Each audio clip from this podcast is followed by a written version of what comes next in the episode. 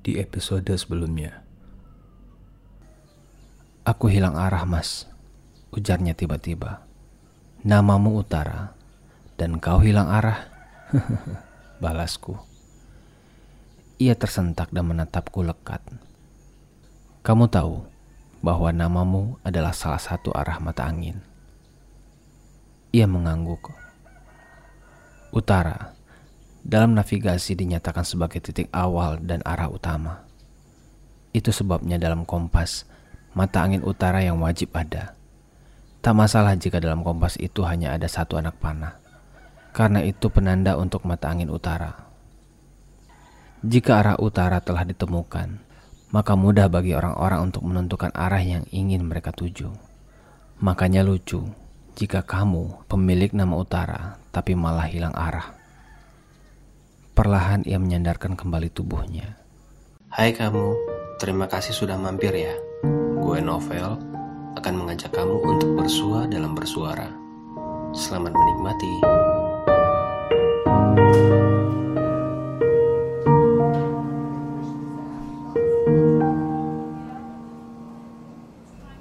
Hari kian bergulir, membawa waktu yang terus berlalu tanpa malu-malu.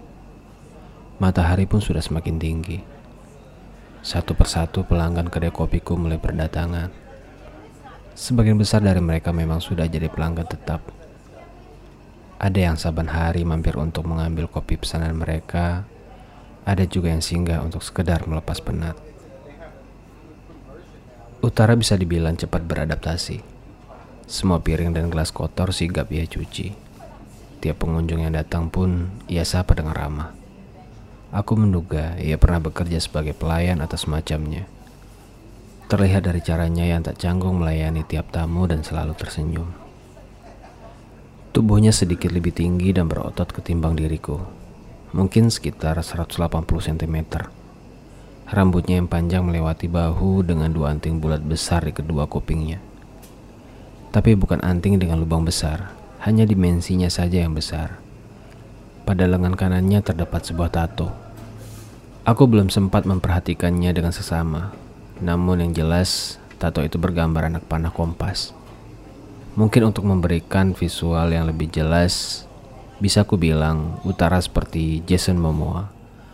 Namun dengan skala badan yang sedikit lebih kecil dan tanpa brewok, hingga garis tegas pada rahangnya terlihat dengan jelas. Dengan kata lain, Jason Momoa lokal. Tak heran jika tiap ada pelanggan wanita yang masuk akan terkesima lalu tersenyum simpul sendiri. Bagaimana tidak? Tubuhnya mendominasi seakan memayungi dan melindungi mereka. Terlebih senyumnya yang hangat. Beberapa dari mereka bahkan melontarkan tanya padaku lewat kerlingan mata yang kujawab hanya tersenyum geli sembari menggelengkan kepala. Tak puas karena tak mendapat jawaban dariku, mereka pun memburu utara dengan banyak pertanyaan dan nama menjadi salah satu pertanyaan wajib. Gelombang pertanyaan itu pun menjalar ke istriku, Cahaya. Sudah menjadi kebiasaannya, Cahaya selalu mampir ke kedai kopi saban sore sepulang dari kantor dengan Rasi, anak pertamaku. Namun berbeda dengan wanita lain, tatapan Cahaya penuh selisik. Tak ingin ada kecanggungan di antara mereka, segera perkenalkan Utara pada Cahaya. Utara, kenalin, ini istriku Cahaya, dan itu anakku Rasi. Mereka pun saling berjabat tangan. Rasi pun turut serta. Meski baru berusia lima tahun, Rasi sudah terbiasa bersalaman dengan cara orang dewasa. Mengerti akan kecamuk tanya yang berputar di otak istriku ini, aku pun melangkah keluar kedai dengan alasan membakar rokok. Istriku pun mengikuti, ia paham betul dengan sikapku ini menandakan aku mengajaknya bicara empat mata. Kamu gak cerita kalau lagi buka lowongan? Memang gak buka lowongan, jawabku tenang. Terus itu, dia karyawan baru apa gimana? Nanti aku ceritanya di rumah aja ya. Jawabku lagi dengan merangkul kepalanya ke dadaku. Cahaya hanya bisa pasrah lalu melingkarkan tangannya di pinggangku. Senja semakin matang, malam pun siap mengambil peran. Aku dan Cahaya masih berpelukan menikmati senja ini. Hingga akhirnya kami pun memutuskan kembali ke dalam kedai kopi. Tak terasa, malam semakin pekat. Aku dan Utara sibuk melayani pelanggan. Bisa dibilang, malam adalah jam tersibuk di kedaiku. Selepas jam makan siang, gelombang pengunjung berdatangan silih berganti dan akan reda setelah jam 10 malam. Di jam tersebut orderan terakhir dan akan benar-benar tutup pukul 11. Pelanggan terakhirku telah berlalu.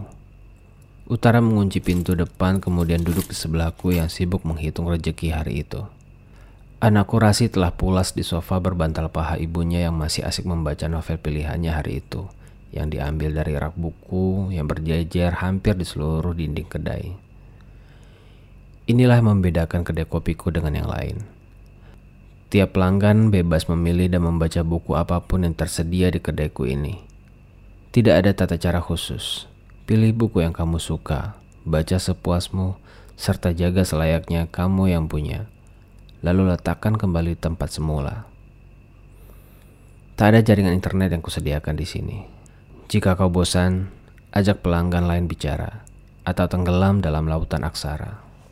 Sebab itulah kedai kopi ini kuberi nama bersuara, bersua dan bersuara. Aku selesai mencatat semua transaksi, Segala rupiah sudah kuhitung dan dimasukkan ke dalam dompet khusus. Gimana mas penjualan hari ini? Belum sempat ku jawab, Cahaya sudah mendahului sembari tetap membaca bukunya. Kedai ini bukan untuk cari cuan. Asal bisa buat bayar produksi dan operasional aja udah cukup. Yang penting masmu itu bisa ketemu banyak orang yang syukur-syukur jadi inspirasi di karya tulisnya. Kuperhatikan reaksi utara dari sudut mataku. Ia terperanjat atas jawaban cahaya, dan aku yakin hal yang membuatnya tertegun adalah penggunaan kata masmu. Meski terkesan cuek, bahkan cenderung jutek, cahaya selalu punya cara tersendiri membuat orang lain akan merasa nyaman dengannya. Terlebih jika berkaitan denganku. Dan jawaban tersebut adalah sebuah pertanda bahwa cahaya mempercayai keputusanku pula sebuah kepercayaan terhadap utara. Dengan terlontarnya kata tadi, tersirat bahwa cahaya mewakili aku telah memosisikan utara sebagai orang yang berada di titik terdekat kami. Dan ini di luar prasangka utara. Belum genap 24 jam di sini, pelbagai kejutan sudah ia dapatkan. Bagaimana tidak, ada orang asing yang numpang tidur di teras kedai kopi, dibangunkan, lalu disuguhi sarapan, kerja, tempat tinggal, lalu sudah diangkat sebagai orang dalam. Aku pun melakukan ini bukan sebab ingin jadi orang baik. Biar Tuhan yang putuskan itu. Tapi ada energi lain yang menggerakkanku yang aku belum tahu apa. Dan aku yakin Utara bukan penjahat. Mas, Mbak, ujar Utara sembari memperbaiki posisi duduknya. Sebelumnya, aku terima kasih sekali sudah diberikan kesempatan ini. Padahal Mas dan Mbak belum kenal aku seutuhnya. Kenapa tidak kamu sendiri memperkenalkan dirimu? Jawab cahaya tangkas dan menutup buku di tangannya.